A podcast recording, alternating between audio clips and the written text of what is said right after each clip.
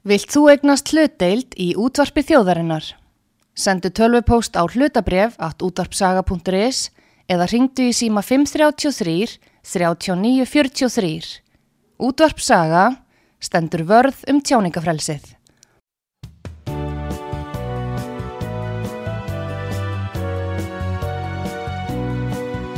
Sýteðis útvarpið á útvarpisögu í umsjón Arnþróðar Karlsdóttur.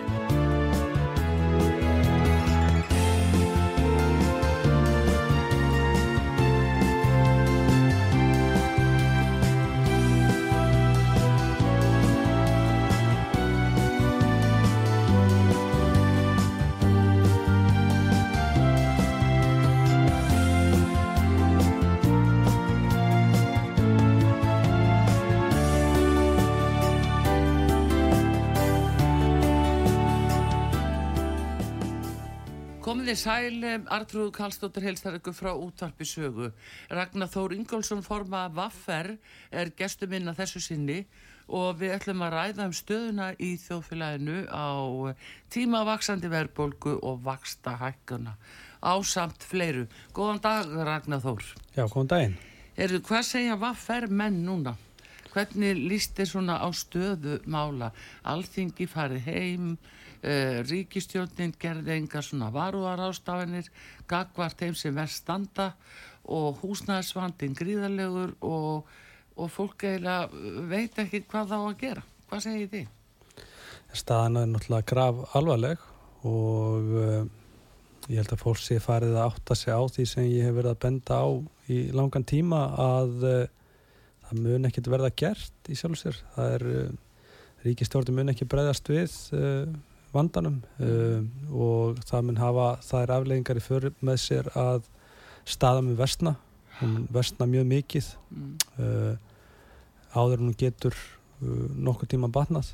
Þannig að uh, og það er að færa fyrir því bara mjög einföldur rauk að allar aðgerri ríkistjórnarinnar sko frá heimsfaraldri hafa snúast um að, að, að móka styrkjum inn í atvinnulífið, fyrirtækin við setjum uppi með þann rekning í dag mm. og uh, uh, skattgreinendur og ríkistjórnin mun ekki og ætla sér ekki að uh, sækja á breyðu bökin. Hún hefur listið yfir og hún mun ekki gera það. Og hún mun heldur ekki fara í frekari stuðnisaðgerðir heldur hún hefur nú þegar samþitt og listið yfir. Mm. og það er náttúrulega bara blasi við þessum sértæka aðgerðapakka út af verbulgu sem var kynntur hér fyrir nokkrum dögum síðan. Já og uh, þar bar hæst uh, í sjálfu sér uh, aukin framleg, framlög inn í almenna íbúðakerfið það er uppbyggingu á, á óhagnaða drifnu húsnæði Já. og sem er svolítið merkilegt að því ég er nú í stjórn Bjargs íbúðafélag sem er að byggja fyrir tekjulæstu hópana Já. og við erum ekki að nýta alla þá styrki sem að nú þegar hafi verið samþýttir Uh, við erum frekar að skila þeim inn vegna þess að við fáum ekki lóðir og það er enga lóðir að koma inn sem hægt er að byggja inn í þetta kerfi vegna þess að þar þurfum við að byggja fyrir ákveð, uh, ákveðin byggingakostnað mm. þar má leigan ekki vera nema ákveði hlutfall af uh, rástofunutekjum og svo framvis mm -hmm. þannig að og ríkistjóðin var búin að lýsa, lýsa yfir stórfældur uppbyggingu áður þannig að hún þurfti hvort er að auka á þessa styrki en þeir mun aldrei koma til greiðslu þessi, þessi auknu framlög sem að ríkistjórnin var að samþykja að veita. Og þetta veit uh, Katrín og þetta veit Bjarni að hér er verið að uh, blekja fólk með einhverjum uh, með einhverjum, með einhverjum tali um einhverju uppbyggingu sem maður getur aldrei á sér stað vegna þess að það er ekki til loðir Já, hvernig stendur á því? Nú uh, hefur það nú komið upp hjá Bellinis svona verktakafyrirtæki sem að kallar eftir því að fá að byggja uh, fjölmarkar íbúður en, og þeir segja að það er ekki til lóðir en þá kemur frá borginni það er nóg til að lóðum. Það er svona að menn vísa aldrei hver og annar. Hvað leikur, leikur miskilingurinn þarna? Það er nót til að lóðum, það er alveg rétt, um, en það er ekki nót til að byggingar hafum lóðum. Mm. Það er mjög mikið til, ég held að sé um 14.000 uh, lóðir fyrir 14.000 íbúður til á höfuborgarsæðinu sem að uh, erfitt er að greina á hvað, á hvað, hvað segja, uh, stíi, uh, hérna, þetta eru aðeins svona byggingaréttur þetta eru, þetta eru íbúður sem að, eða, eða, byggingaréttur sem er búin að fara í gegnum skipulag já, og er þetta að byrja á en það er ómulögt að geta sér til um það þú veist, uh, hvað er hægt að gera á, á, á, á hérna, viðkomandi svæðum. Mögulega þarf að rífa niður eitthvað sem að fyrir er og, og svo framvegis og, og þetta er allt í enga eigu Mm. það er meira og minna. Þannig að uh, við getum til dæmis ekki byggt hagkamar íbúður uh, með því að fara í samkeppni eða yfirbjóða lóðir á markaði. Það er til dæmis verið að bjóða okkur lóðir inn í bjargi mhm, til kaups af fastegna þróunafélögum sem að voru að borga yfirverð af sveitafélögum eru núna að koma til okkar og verktakana Eh, fyrst faraðu til verk, verktakana þess að fá, fá lóðirnar með einhverju svona, með einhverjum hérna eh, miklum plönum um, um uppbyggingar á hafkvæm, ha- hafkvæmni og, og vottu, vot, grænvottunum og svansvottunum og ég veit ekki hvað og hvað. Mhm, Eh, Daginn eftir eru mörgaður sem fastegna þróunafélögum kom, komin yfir í verktakana og bjóða um að taka verkefnin eða runni útlutunina eh, og hugmyndina og, og, og, og fá eitthvað í milli. Braska og græða. Mm, og svona er þetta kannski búið að ganga kaupum og sölum. Nú er þetta að fara að koma til okkar vegna þess að vextirnir er orðin svo háir að, að verktakarnir þeir treysta sér ekki til að fjárma, eða fá ekki fjármagn og treysta sér ekki til þess að byggja svo- á svona háum vöxtum, með svona háum fjármaskostnaði mm, uh, í bland við það að kaupindarhliðin, hún er botfrosin, það er fólk kemst ekki gegnum greiðslumat mm, uh, og það er búið að þrengja svo að allstaðar að uh, fyrst dettur kaupindarhlið, þessist eftirspurnarhliðin, hún dettur niður og nú er frambúrsliðin, hún er að fara í algjört frost, það er náttúrulega verið að klára reynda fullt af verkefnum. Já, en uh, það er spáð því að það verði algjört hrun í, og ekki bara spáð við höfum verið að spáð því að verði algjört hrun á framleyslu á, á, á íbúðum eftir svona eitt og hálft til tvö ár. Mm. og þegar að slíkt gerist að það tekur langan tíma að byggja aftur upp. Mm. þannig að við erum að fara í þveröfu átt með það sem við erum að gera í dag. Við ættum að vera að byggja gríðarlega mikið á húsnæði en, en í stað þess að vera auka frambóð og auka eh, byggingamagn að þá erum við þá er sérstörunni bara markaðurinn að draga algjörlega saman seglin. Mm, og þetta mun enda með skelvingar uh, þetta mun enda, enda með skelvingu uh, það er um 400 mann sem að eru að sækja einhverja einustu íbúð sem er laust til leigu hérna á höfuborgarsæðinu Mm. og uh, örvendingin er því líka að, að þeir sem eru að leia þetta út þeir eru bara í áfalli þeir eru í áfalli, þú veist það eru fjölskyldur sem eru bara á götunni sem eru að, þú veist, grátbyggja um að fá að komast inn. Fólk Já. er ekki svona að spurja hvað það þarf að borga þú veist, það bara vantar þak yfir höfuðið. Já, og við erum að sjá leigufélög eins og Ölmu henda át fólki bara á götuna, bara til þess annarkvæmt að selja eða, eða braska eitthvað meira koma þessi Airbnb eða, eða, eða le- leigja út til eh, þeirra sem eru tilbúin til að bjóða miklu hæra verð. Þú veist, þetta, er, þetta er svo brútal og uh, ríkistjórnin alltaf ber fyrst og fremst ábyrð á því að hér bara, hefur orðið algjörn markasprestur á, í, eh, á í, hérna, eh, húsnæðismarkaði. Algjörn markasprestur og verið þar rauninni lengi og þetta er ekkit vandamál sem er að hvað sé, að byrja í dag þetta er búið að vera svona árum saman. Það mátti eiginlega sjá þetta fyrir. Já, já, ég meina, Já, ég er búin að skrifa, og ég er búin að skrifa og ég er búin að tala um þetta, sko, já, ég, árum saman. Ég, Já. ég, ég, ég, eh, þetta, eitt af mínu fyrstu verkum sem formaði Vaffer var, að- var að stopna nýtt húsnæðisfélag uh, sem heiti Blær. Og því var ætlað að vinna samhliða bjargi. Og uh, við erum búin að reyna núna í nokkur ára að koma lífeyrissjóðunum inn í að fjárfesta inn á þessu markaði. Að því að það vantar fjármagn. Bankarnir eru búin að skrúa fyrir. Mhm, það vantar lóðir það eru enda til lóðir það eru bara dýrar en það er til byggingaland mm, uh, og það er þetta byggja líka utan höfuborgarsvæðisins það er alveg, það er alveg til lóðir í, í kringum okkur. En það er til dæmis uh, kjaldnaholtið okkur var lofað að fá kjaldnaholt já, uh, í kjærasamningunum 2019 já, þegar við gerum samningana 2019 þá áttu að fá kjaldnaholtið í uppbyggingu og hafkvæmum íbúðum það er að byggja ykkur starf bilinu 57 stíbúður mhm, og við áttum að fá að uh, uh, við gerðum sess svona samkomin um það, við varum að gera kjærasamning sem myndur lækka vexti sem þið gerðu en þeir lækkaður reynda miklu meira. En við vorum með aðhalsaðgerðir í okkar samningi við stjórnvöld, það er að segja fá kjælnaholdið í stórfældu uppbyggingu sem átt að auka frambóðið eh, afnema vertryggingu á neytindalánum sem að var aðhaldið uh, sko eftirspurna megin og uh, ný húsalegulög og þetta var samið um 2019 síðan þá hafa verið haldnir erunni settið saman tveir starfshópar og fjölmorgar undirnemdir sem hafa verið að skila sér tillögum þetta og hitt og hvernig þetta er að gera þetta útfara en það hefur ekkert gerst, þetta var í rauninni allt saman svikið að hálfu stjórnvalda og um, má segja að sé svona grunnurinn að þeirri hrikalegu stöðu sem við erum með í dag. Hér er verðbólgan, hún væri mun lægri í, já, hún væri bara eins og lagsta í Evrópu mm.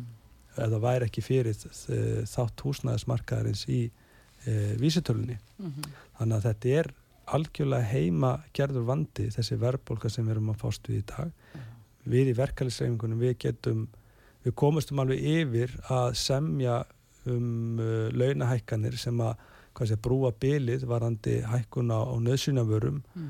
uh, mögulega einhverjum uh, uh hækkun ofinbæra gjald eða eitthvað slíkt ef við náum ekkert utanum sko uh, tvöföldun á, á, á höfur, uh, tvöföldun á afborgun og húsnæðisláni veist, við, við náum ekki utanum það með launahækkun mm. að ná utanum húsalegu sem hefur hækkað um 120 skall á mánuði sko hækkað þá þarf ég að hækka sko launum 170-80 svona, svona upp undir tvöfald það sem að það sem að uh, hérna það sem að uh, aukinn kostnaður hækkar um. Já. og síðan erum við með eh, dæmi til dæmis varandi áborganir lána það sem fólk mm. er að detta út úr fristingu á overtriðu lánunum. Og þar hefur við verið að sjá sko hækkun upp á 150 til 170 þúsund og ég vil meira það fer eftir, eftir hvað þú ert ungur, hvað þú þurftur að skuldsetja þig mikið.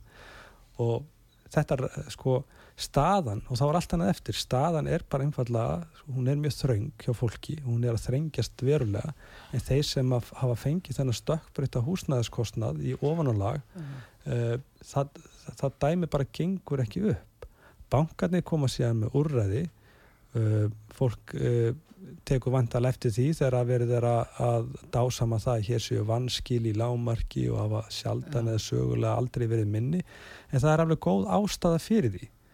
Og það fylgir aldrei sögunni að bankarnir núna uh, ólíkt því sem gerist í hruninu að þá stökkbreytust skuldir þannig að þar voru komnar runni, það voru hærri heldur en sko eignin. Já.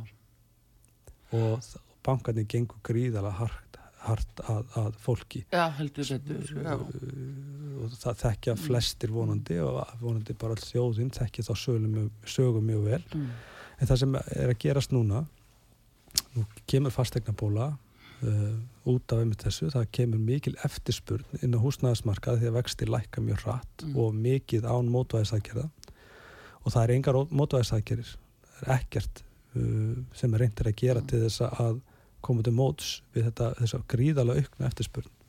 Hún er ekkert öðruvísið þessa aukna eftirspurn eins og hún var hérna uh, árun 2004-2006 þegar að uh, farið er í, í, í hérna, 90% lánin og rauninni 100% lán að þá kemur bara áhlip á markaðin núna kemur bara áhlip á markaðin út og lága vasti, það er fleiri sem geta keift fólk getur keift sér dýrar. Já og þetta gerir það verkum að það er engin, ekkert aukið frambóð sem kemur á móti mm -hmm. þannig að eh, verði ríkur upp og eh, selabankin byrjar að hækka vexti og, ger, og kemur með mótvæðisækir allt og sent mm -hmm. og hérna en hann, hann notar sko vaksta hækkunarleðina sem að reynir slæri ekkert rosalega á uh, húsnæðismarkin til að byrja með en á endanum veldur síðan uh, algjöru frosti bæði á eftirspurnar og kaupandalliðinni og mun í sjálfu sér halda áfram að keira verðið upp vegna þess að það er til allt og lítið í búðum þannig að verði getur ekkit annað en hækkað mm.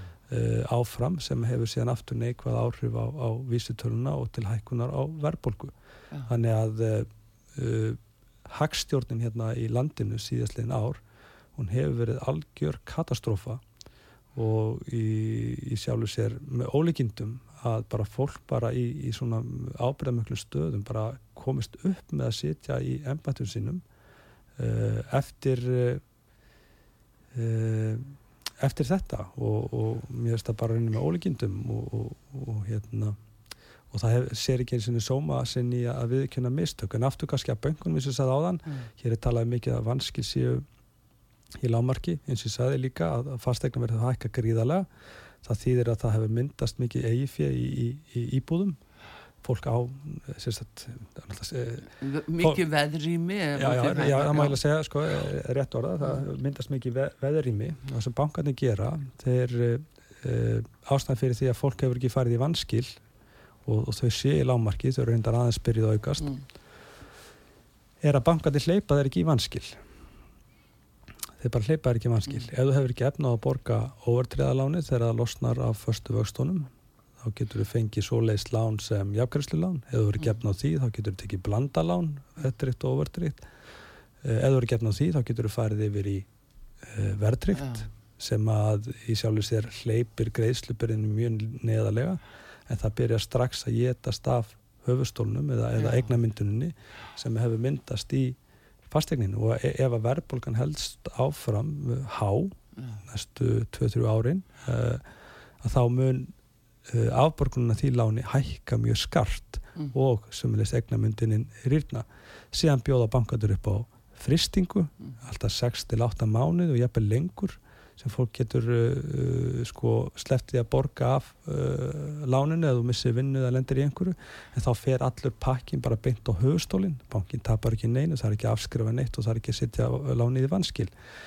Uh, þeir eru líka með uh, uh, lána frí eins og hérna, uh, Arjónbanki var að búa til núna það er að gefa fólki hérna, sumafrí frá einum eða tveimur afborgunum. Mm. Og svo framvegis, bankanir eru með endalis úrræði og verða með endalis úrræði þannig að fólk fari ekki vanskil til þess að geta fengið allt sitt og rúmlega það og setja það bara á höfustólun en, en, en, en stóra spurningin er hvað gera bankanir þegar veðrýmið er búið? Mm -hmm. verður farið í 110% leið eins og eftir hrun? Mm -hmm. þannig að fólk sem er búið að tapa öllu getur tapað öllu og 10% meira til mm -hmm. eða, eða faraði bara beinti að hýrta eignir á fólki vegna þess að bankarnir munu gera það. Bankarnir Já, það er nefnilega þetta Ragnarþór, þú svo að lýsa þessu núna.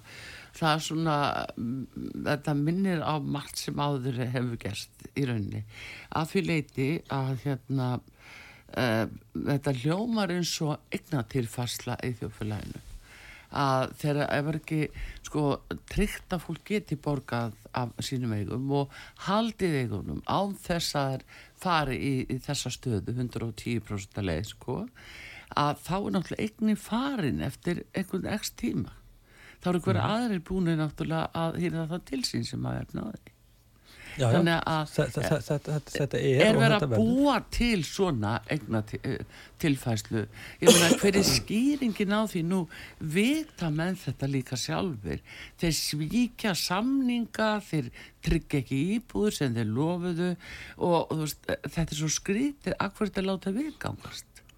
Já það er um, um, það eru tveir möguleikar í stöðunni.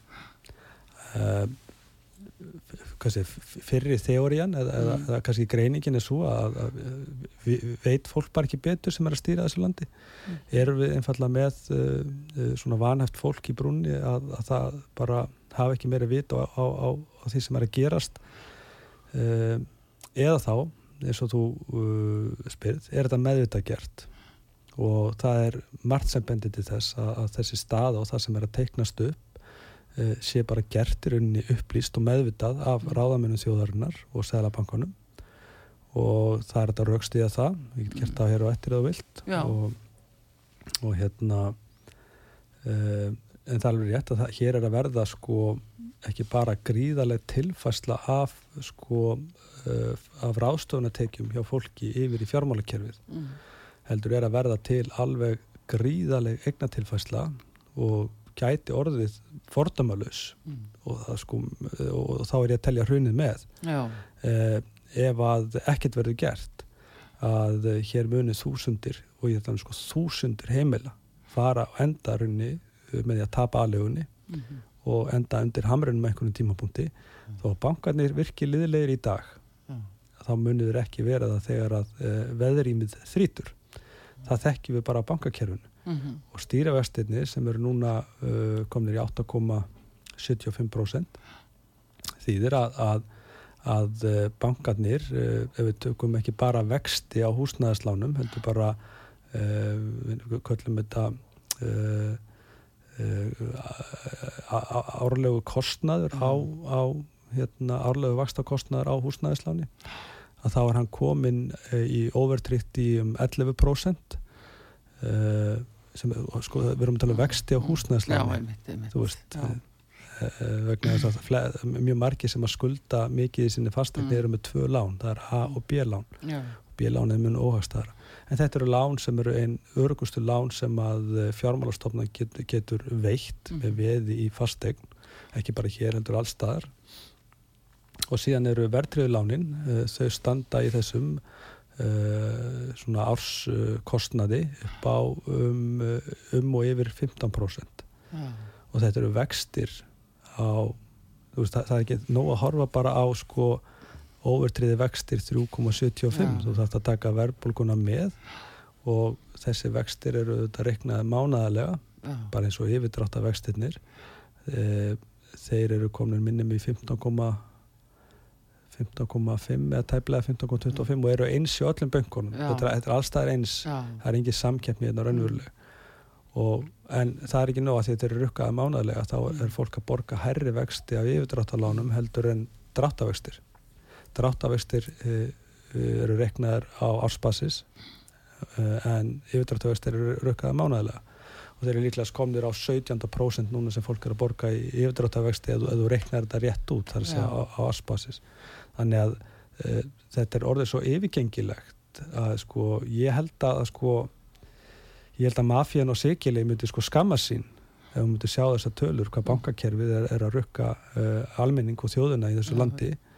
Og uh, enda sérst á afkomi bankana að bankarnir högnuðust hafa hagnast ævintýralega síðustu ár. Já, já. Uh, og ekki hvað síst núna á fyrsta, ég bara ásjóðungi hér núna til, til samaburðar, mm. það er alltaf verið að kenna verkalsreifingunu og kjærasamningum þá kostuðu kjærasamningarnir og almennu vinnumarkaði í desember um 75 miljardar mm. þeir kostuðu það, þessi statulínu kostuði eitthvað 75 miljardar svona uh, grótt mat en hagnaður uh, bankana 2021 mm.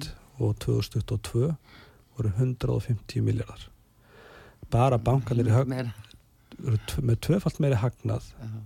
uh, síðustu tvö ár heldur en kjærasamlingakostu þetta er bara bankarnir. Uh. fyrirtækin uh, árið 2021 það er nýjastu tölur sem við erum með högnuðust um 674 miljardar 2021 Já Já, þetta eða, eru aðtæðisverða tölur. Já, sko, og, mm. og, og þetta er enginn, eh, sko, það sem er svolítið sérstætt í þessu, mm. þetta er enginn elflögu vissindi. Mm. Þú mhm. getur farið inn á hagstofuna og þá getur flettist upp og mm. getur segið, hvað var hagnað fyrirtæki fyrir skatt 2021? Það var 761 miljardar. Mm. Hagnaður fyrir skatt árið 2021, 761 miljardar mm. árið 2021. Það er ekki komin að nýri tölur. Þú getur bara að fara að flettist upp. Sama með vísutöluna Við erum að hlusta viðtalið Sælabankastjóra á sunnudaginn á Sprengisandi og hann talar um að bera sama verðbólkuna hér og, og, og út í Európu. Það sem hefur verið orkukreppa, hann saði mm. við, við varum heppina að vera ekki að nota gas eða ólíti til kynntingar og það er alveg rétt. Mm. Uh, og, uh, og það náttúrulega hefur verið þessi orkukrísa sem hefur valdið eitthvað mestri verðbólku í Európu. Já, já. En síðan segir hann, en munurinn okkur og nákvæmlega og samanbörðu þjóðum er að hér hafa naflunahækkanir verið svo háar hann minnist ekki einu orði á húsnæðisliðin eða, eða, eða, lið, eða hlut húsnæðis í mm. vísitölunni sem hefur henni kertu verbolgu mm. með meiri hætti heldur en uh, orkukrísan í Evrópu hefur gert með, með verbolguna það já, já. Og, og, og undan skilja svona mm. stóran lið er henni bara algjörlega uh, já, það er bara, það er bara með svo miklum ólíkindum að, að, að, að hann hafi komist upp með að sleppa því er bara líka mjög áhugavert. Já, ég ætlaði myndi að ræða þetta Petur og með uh, útspil Sælabankastjóra sem að vættalega um, þekkir uh, þetta allt saman en uh, komið frá honum ymsi hluti sem að verður að ræða. Þeirra hlusta út á sögu Ragnar Þór uh, Ingólfsson formað vaffer í gestum í hérna. Artrúð Kallstóttir spjalla við hann og við komum aftur eftir skamastund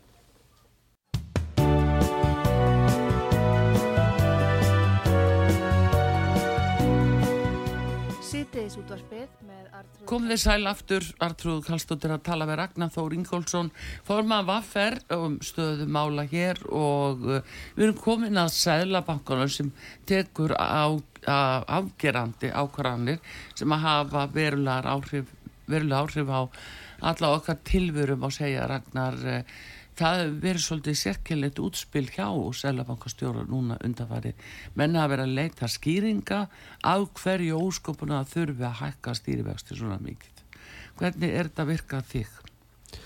Já, við, ég hef náttúrulega skrifað mjög mikið um þetta og látið ég mér heyra hvað þetta varðar og, og, og hérna og hvað maður að segja það er um, líkur alveg hérna ljóst fyrir að að eh, allar eh, svona skýringar Sælabankans á þessum miklu og öru stýrivesta hækkunum sem hafa nú verið 13 í, í röð mm. standast ekki nokkra einustu skoðun og uh, allir málflutningu Sælabankans hefur meir og minna verið í sjálfu sér í sko hróplegu ósamræmi við staðrindir mm.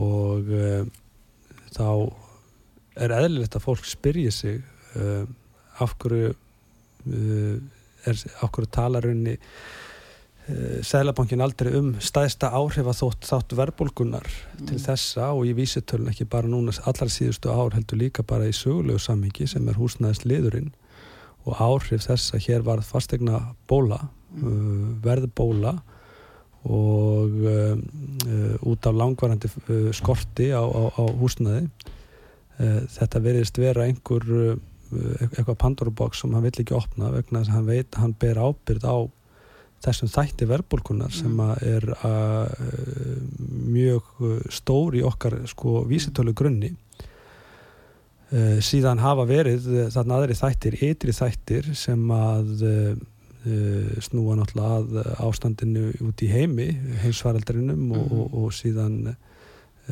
stríðin í Ukrænu og síðan þessari Eh, þessum nökurum í virðiskeðinu eftir það og þetta hafa uh, stórfyrirtæki bæði út í heimi uh, og þarna hefur náttúrulega orkukrísan úti líka áhrif þarna hafa bara fyrirtæki nýtt sér aðstöðu sína í að geta hækkað verð mm. hækkað arsemi sína alveg gríðarlega sjáum bara til dæmis flutningafyrirtækin bæði Mærsk, hérna, stóra eitt stærst mm. alþjóðlega flutningafyrirtæki heims mm -hmm Eh, hagnaðatölunar þar eru bara án fordæma uh, hjá fyrirtæki í þessum geira og sömulegst líka hjá Eimskip, við tökum bara Eimskip hérna, það eru gríðalegur sko viðsnúningur eða svona sem ekki viðsnúningur, bara gríðalegur aukningur, gríðalegur hagnaður uh. og, og flutningar til dæmis er eitt staðsti einstakki svona liðurinn sem hefur áhrif á vöruverð á Íslandi sem að hérna sem er að kera áfram vísitölu verðbólku en aftur að sko Sælabankonum að um, skýringarnar í sig standast enga skoðun. Það var gott viðtal við Kristínu Lagarde uh, sem hún er hérna bankastjóri Evrópabankars ja. og hún uh, fór einmitt ágætlega yfir þetta að, að auðvitað hafa vextir hækkað líka í samanbörðalöndum og í Evrópu ja.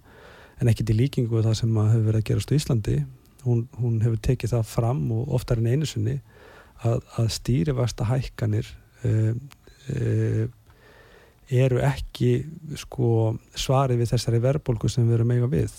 Svo, þessi verðbólka sem við erum eiga við hún, hún er út af uh, öðrum þáttum heldur en uh, þessu svona hefbundu þenslu áhrifin verðbólku og þar að leiðandi virka stýrivexti mjög takmarkað á það ég meina mm. við hækkum ekki stýrivext á Íslandi til þess að ná niður heimsmarkarsverð á bensíni mm -hmm. það er, er, það, það er galið að halda því fram Já. eða á kveiti eða á öðrum þáttum eða lækka orkuverði í Evrópu eða, eða, eða verða á gas og olju veist, e, ef einhver myndi svona halda þessu fram ef við segjum að setjum þetta svona upp mm -hmm. að þá verðum við örgulega að um bara hálf galin en, en þetta er nákvæmlega það sem selabankastjóru er að gera en síðan kemur þessi svona bakskýring allt öðru kvoru frá peningastændin nefnd að hér megi raunvextir ekki vera neikvæðir. -hmm. þetta er svona hljóma svona, svona eins og, og, og bakrötti kór. Og þetta er svona undirliggjandi og ég fylgst mér vel með þessu. Þetta hefur alltaf verið svona tónnin svona uh, síðustu uh, já, hvað sé, síðustu tíu hækkanir eða svo. Og uh, en á Íslandi þá erum við bara með selabankastjóra og peningastæðnunemnd sem að ætla sér að, að, að verja fjármagnið og fjármagseigundur ásker mér sem hefur sagt það í viðtölum hann skilja ekki dýði að fjármagseigundur séu ekki að mótmálanir austuvelli að þeir fá ekki sko jákvæða raunvexti fyrir sparifjöð en á, á innlastreikningum bankana hann hefur sagt þetta oftar en einu sinni og, og hérna En, en hafa þeir nú ekki einhverja aðra leiðir en hvað sem því nú líður? Að svo, sko, fjármagnir finnur leið eins og vatnið mm, mm, mm. og, og, og fjármagnir fann leið eh, eins og vatnið þegar fjármagnir fór inn á húsnæðismarkað og, og lögaðilar og hafa verið að kaupa hér e, leigufélög uh, fasteignir uh, í gríð og erg vegna Já. þess að þeir lásu uh, lásu hérna hvað við segja, salin og lásu ástandið alveg vel eins og Gamma gerði hér árið 2011 þegar Gamma fór í stórfæld uppkaup á húsnaði sem að bankarnir voru að hýrða til sín og, og, og, og selja út. Já. og þeir sjálfur að kaupa hús af fólki af, á rakverði sem að var að missa aðleguna mm. Og úr því var síðan uh, til legufélagið uh, almenna legufélag sem síðan varð Alma. Uh, það sem er svolítið merkjald við þetta bæði í kringum kaupþing mm. á sínum tíma þegar að þeirra farið út í 90% lánin mm. og verður svona fyrsta svona stóra fastegnabólan síð, svona síðustu 20 ár mm. að, að hún var bara heimatilbúin af mm. kaupþing á sínum tíma og þar var uh, helsti greinandi og öfnaðarsrákjafi Ásker Jónsson, selabankastjóri mm. uh, þegar þetta gerist uh, hann og er síðan í bankanum fram yfir hrun. Hann ræðir sér síðan sem öfnaðarsrákjafa Gamma 2011 sem að fer í þessi þetta er nú bara ofnbæra starrið þú, þú getur bara að googla þetta þetta er bara, þetta er bara að vita mm. stundin gerði út þetta á þessu sínum tíma líka. En þetta er bara ofnbjörgögn og, og þar sem sagt, uh, þetta og var þar sem ernaðstrákjum og gamma fór einmitt í framaldi í þessi stórfældu uppkaup á, á fastegnum og sem hann alltaf hafa henda með skelvilegum afleðingum og nú er hann komin inn í Sælabankan og er svona einhver með líkil maður enn og aftur við enn eina uh, fastegnabóluna sem sem að verðist vera að hafa hryllileg áhrif og muni á hryllilega áhrif á, á líf uh, mm. fjölda fólks og þúsundur fjölskyldna.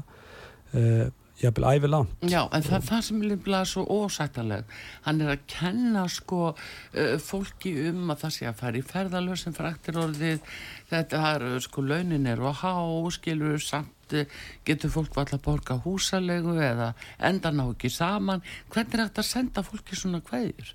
Já sko ef þú hefur vonda málstað að verja mm. Eh, sem þú getur ekki varið með neinum sko rökum ég held þetta sé bara einfallega þannig að uh, eh, Sælabankastjóri hann hefur bara tekið ákvöðun að, að, að eh, verja fjármagnið í einu og öllu það, það blasir við að... en þá erum við kannski ragnar þó veistu, þá langum við myndi að koma inn á það við þig af því að þú minnist nú þarna á hruni og annað mm. og við munum það eftir hruni að þá uh, náttúrulega greipa alþjóða gældarisjóðurinn þarna inn í bara í oktober 2008 strax og þeir stýrðu því sem þeir vildu stýra.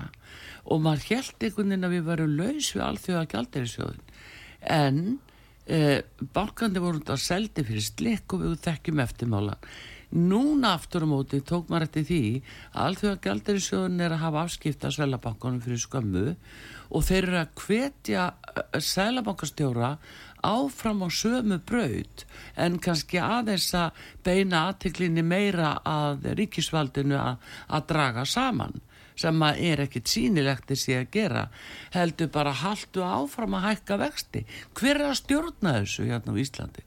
Hver er raun og veru stjórnar Já sko, þeir sem að stjórna eru náttúrulega fólki sem að tekur endalagar ákvarðinir mm. og það er náttúrulega selabankastjóri og svo ríkistjórnin og, og það er eiginlega uh, það er svo dabulegt einmitt að horfa upp á þessa þróun að því að auðvitað við hrunið að mm. þá uh, náttúrulega fór allt bankakerfið á hliðina og uh, síðan uh, flest öll stóru fyrirtækin í kaupöllinni, ég menn hlutabref þurrkuðust út á 97% innlendur hlutabref að markaði sem bara þurrkaðist út og var verðlaus á einu vettvangi. Mm. en í dag uh, þá er það í rauninni, þá er þetta í rauninni bara kreppa fólksins, kreppa almennings í landinu. Já. og þetta er tilbúin kreppa. Þetta þarf ekki að vera svona. Mm. og þarf að ljósta að uh, alveg sama hvort að Sælabankin hækkar stýrivöxt eða ekki að þá mun verðbólgan koma niður og þetta hafa margir sérfræðingar tekið undir og, og, og staðfest. Er að meðal Kristína Lagarde mm. Mm. uh, Sælabankastjóri Európabankans uh, og, og marg ítrekkað að, að uh, verðbólgan mun koma tilbaka þetta ástanda á heimsmarkaði fyrir ráfur og allt þetta þetta mun uh, ganga tilbaka með einhverjum hætti, ekki alveg með einhverjum hætti, alveg sama hvort að vexti verði hækkar eða ekki. Já, og en, en auðvitað hafa vexti verið hækkar annar staðar líka en ekki til líkingu við það sem hefur, hér hefur verið gert. En hérna er bara Sælabankin á ekki bara vegferð til þess að hyggla fjármasengundum hérna er að verða til eignatilfæsla sem að mun á endanum valla eiga sér fordæmi. En munurinn er sá að við munum ekki þurfa já, það er ekkert sem bendir til þess að það muni vera eitthvað sérstaklega yngri frá alltjóðar gjaldurisjónum vegna þess að aturlífið stendur nokkuð vel, það hefur verið ævindilegur hagnaður þar og Mm. bankakerfið hefur grætt meira, mm. hugsaður en meiri hagnaður í fjármálakerfinu hjá bönkunum Mm. heldur en hjá sjáurútvögnum og ferðarþjónustunum til samans Já, þetta eru tvær, tvær stæðstu sko útvinnskreina landsins já, og það er fjármálakerfið sem er að taka mest til sín þetta er, er, þetta er akkurat en það sem, eins og ég sagði áðan, það sem Sælabankin er að gera uh, við erum með Sælabankastjóra sem að þekkir uh, líklegast og ætti að þekkja uh, fastegna bólur og, og, og, og áhrif áhrif að þætti hans manna best hefði ég haldið Já. með hvernig hans starfsferill hefur þróast. Þannig að það er ekkit sem að gefur manni tilefni til þess að álíkta um annað að þessi staða sem verður að búa til núna Mm. sé uh, heimatilbúin, hún sé gerð með me- mjög meðvituðum hætti, Mm. hún sé gerð með stuðningi ríkistjórnarinnar Mm. uh, og það eina sem ríkistjórnin hefur gert, hún hefur verið að hækka húsalegu bætur og talað um að bæta sko fólki uh, sem stendur ekki undir okurvöxtónum uh, með vakstabótum þannig að í staðin fyrir að takast á við vandan Akkurat að nota uh, tilfæslukerfin okkar Já. og skattkerfið Já, til þess að niðugreiða fyrir uh, leiguokrið, til þess að niðugreiða fyrir vakstaokrið, þannig að Mm. bankarnir og leigusalinn og leigufélagum stóri getur fengið ennþá meira. Já, og þetta er algjörlega styrluð hugmyndafræði. Þetta er algjörlega galið vegna þess En að það er spurning svona hvaðan kemur þetta, hvernig verður þetta til? Því að nú eru þarna menn uh, við, við stýri sem að og fólk sem hefur umtalsverða reynslu og, og það er endalust talað um að bestu sérfræðingar sé og koma að borðinu, ég menna hvað eru bestu sérfræðingarnir?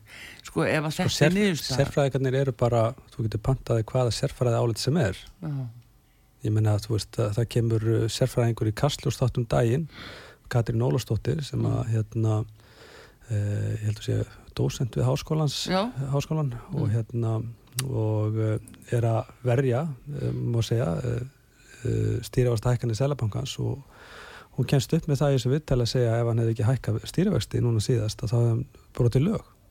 Mm, og uh, þarna verðum við að gera meiri kröfur til þeirra sem eru að stýra svona þáttum og, og Já. til viðmælenda. Þú veist, þetta er náttúrulega algjörlega uh, ótrúlegt að halda slíku fram að Sælabanki sé að bróta lög ef hann hekkar ekki vexti og hérna þegar að hans hlutverk er að, er að tryggja hér efnaðstöðuleika já, sem hann er að vinna gegn með stýrivastahækkunum, Já. hann er frekar að bróta lög með að hækka vexti heldur en hitt vegna að stýrivastahækkannar þar eru að þrýsta upp verðbólgu. Já Og þetta- og þetta- hlutverk bankast er sko að standa vörðum sko verði jöfnun. Já, já, Í já, sem, já. og, hérna, og, og verðstöðuleiki og það sem hann er að gera með stýrivastahækkunum og þetta er mælanlegt. Mm. þetta er ekki bara einhver svona eitthvað skot út í lofti þetta er bara mælanlegt, við getum mælt þetta í hérna gegnum vístöluna, í greitir húsalegu. Uh, það er bara liður þar undir sem heitir greitt húsalega og, og, og, og, og gegnum liðum undir hús, húsnæðiskostnaði. Mm.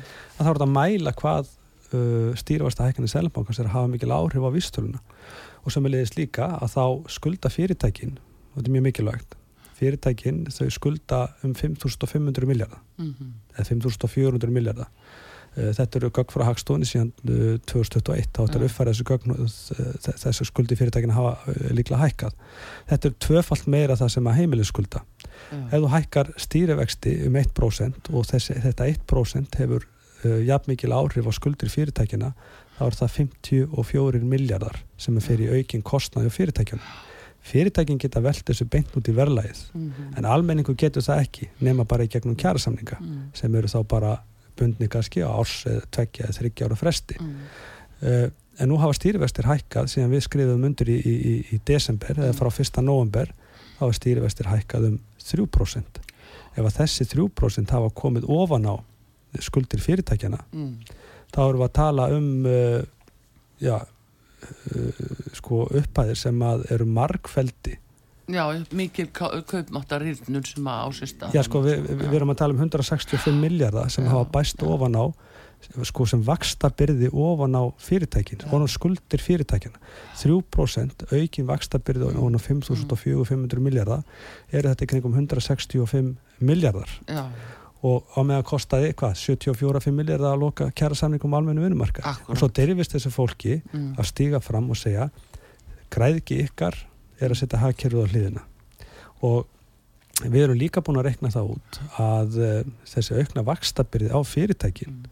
á skuldi fyrirtækina uh, þetta, það er þetta að mæla hvort þetta skilist út í verðlagi eða, ekki og það sjáum við með uh, samanbörði á bara úr ársvörningu fyrirtækja Mm.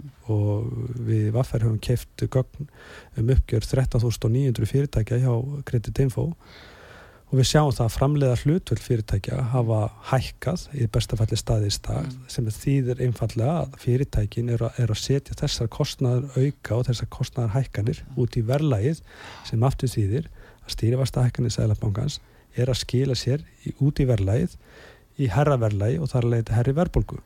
Og þannig að eh, þannig að það er alveg hægt að hrekja þessar marga þessar fulleringar og til dæmis bara nýjasta fulleringin að hér hafi laun uh, hækkað, en nafnlauna hækkanir hér verið svo miklu herri heldur en í samanbörðalöndunum Já. og uh, þetta er bara ránt uh, það er mjög erfitt að bera þetta saman en við höfum borið þetta saman. Já. það er mjög uh, í bæði Danmörku, Svíþjóð og sérstaklega Svíþjóð og, og, og, og Skandinavi og Európa líka þá, er, eru kjara samningir svolítið öðruvísi byggður upp hér. Hér eru um almenna samninga þetta er mjög mikið að fyrirtækja samningum Já, til dæmis það er bara sami við bensverksmiðunar um, Já, og, og uh, almennt séð hafa launahækkanir bæði hér á Norðurlöndunum og uh, í Evrópu Mm. hafa verið uh, í besta falli svipaðar Já. Þetta finnum við læri tölur, við finnum líka oft mikið herri tölur. Við, við tókum til dæmis samningana sem að Mercedes verksmiðuna voru að gera út í Þískalandi. Mhm. Ef við tökum allt saman, bæði engreisturnar og launahækkanar og fleiri breytingar og þeirra kjara samningi, þá er hjapgildið það 30% uh, launahækkun. En það er mitt, en, en eh, sko Ragnar, uh, finnst þér, þú hefur nú oft verið samspár og búin að benda á þetta sem er búið að vera að raungerast núna í rauninni um allangan tíma. Finnst þér að við séum að fara að horfa upp á einhverja kreppu hérna eða bara annað bankarun í einhverju formi? Uh, það sem er að fara að gerast í heimilum landsins uh, er ekki ósipa því og gerðist í eftirmálur hrunsins og uh, eins og ég held ég hef sagt í upphafi viðtalsins að þá, þá á staðan bara eftir að vestna ef að fólk heldur að staðan sé slæm núna þá er hún eftir að vestna til mjög mikill að muna. Mm. hversu mikið hún eftir að vestna uh, er í sjálfsveit bara eftir því hvaða árangur við náum í næstu kjærasamningum uh, og, og bara ég hvort að fólk sé tilbúið þess að rýsa upp eins og við gerum hér í búsaldabildingunni Já, það verður líka komið ljós. Uh, en síðan náttúrulega móti vitum við ekki uh, hva, hversu mikil áhrif uh, stýrifasta hækkanir í uh, öðrum hagkjörum, bæði bandaríkjónum og í Evrópu, mm. munu hafa á markaði, við erum búin að sjá núna hvað, tvo þrjá banka falla í bandaríkjónum blir fleiri, já. Já, sem, eru fallnir og, Já, og hérna já, og, og uh, það er búið að auka bindiskildu bankana hér aðeins og hérna og uh, það er ómöld að segja hvaða hvort þetta hafi viðlíka áhrif og gerði í, í bankarhunni 2008 Já, en uh, uh, en við verðum bara að býða og sjá. Ég skrifaði nú grein held ég 21 uh, um hlutabriðamarkaðin desember 21 mm.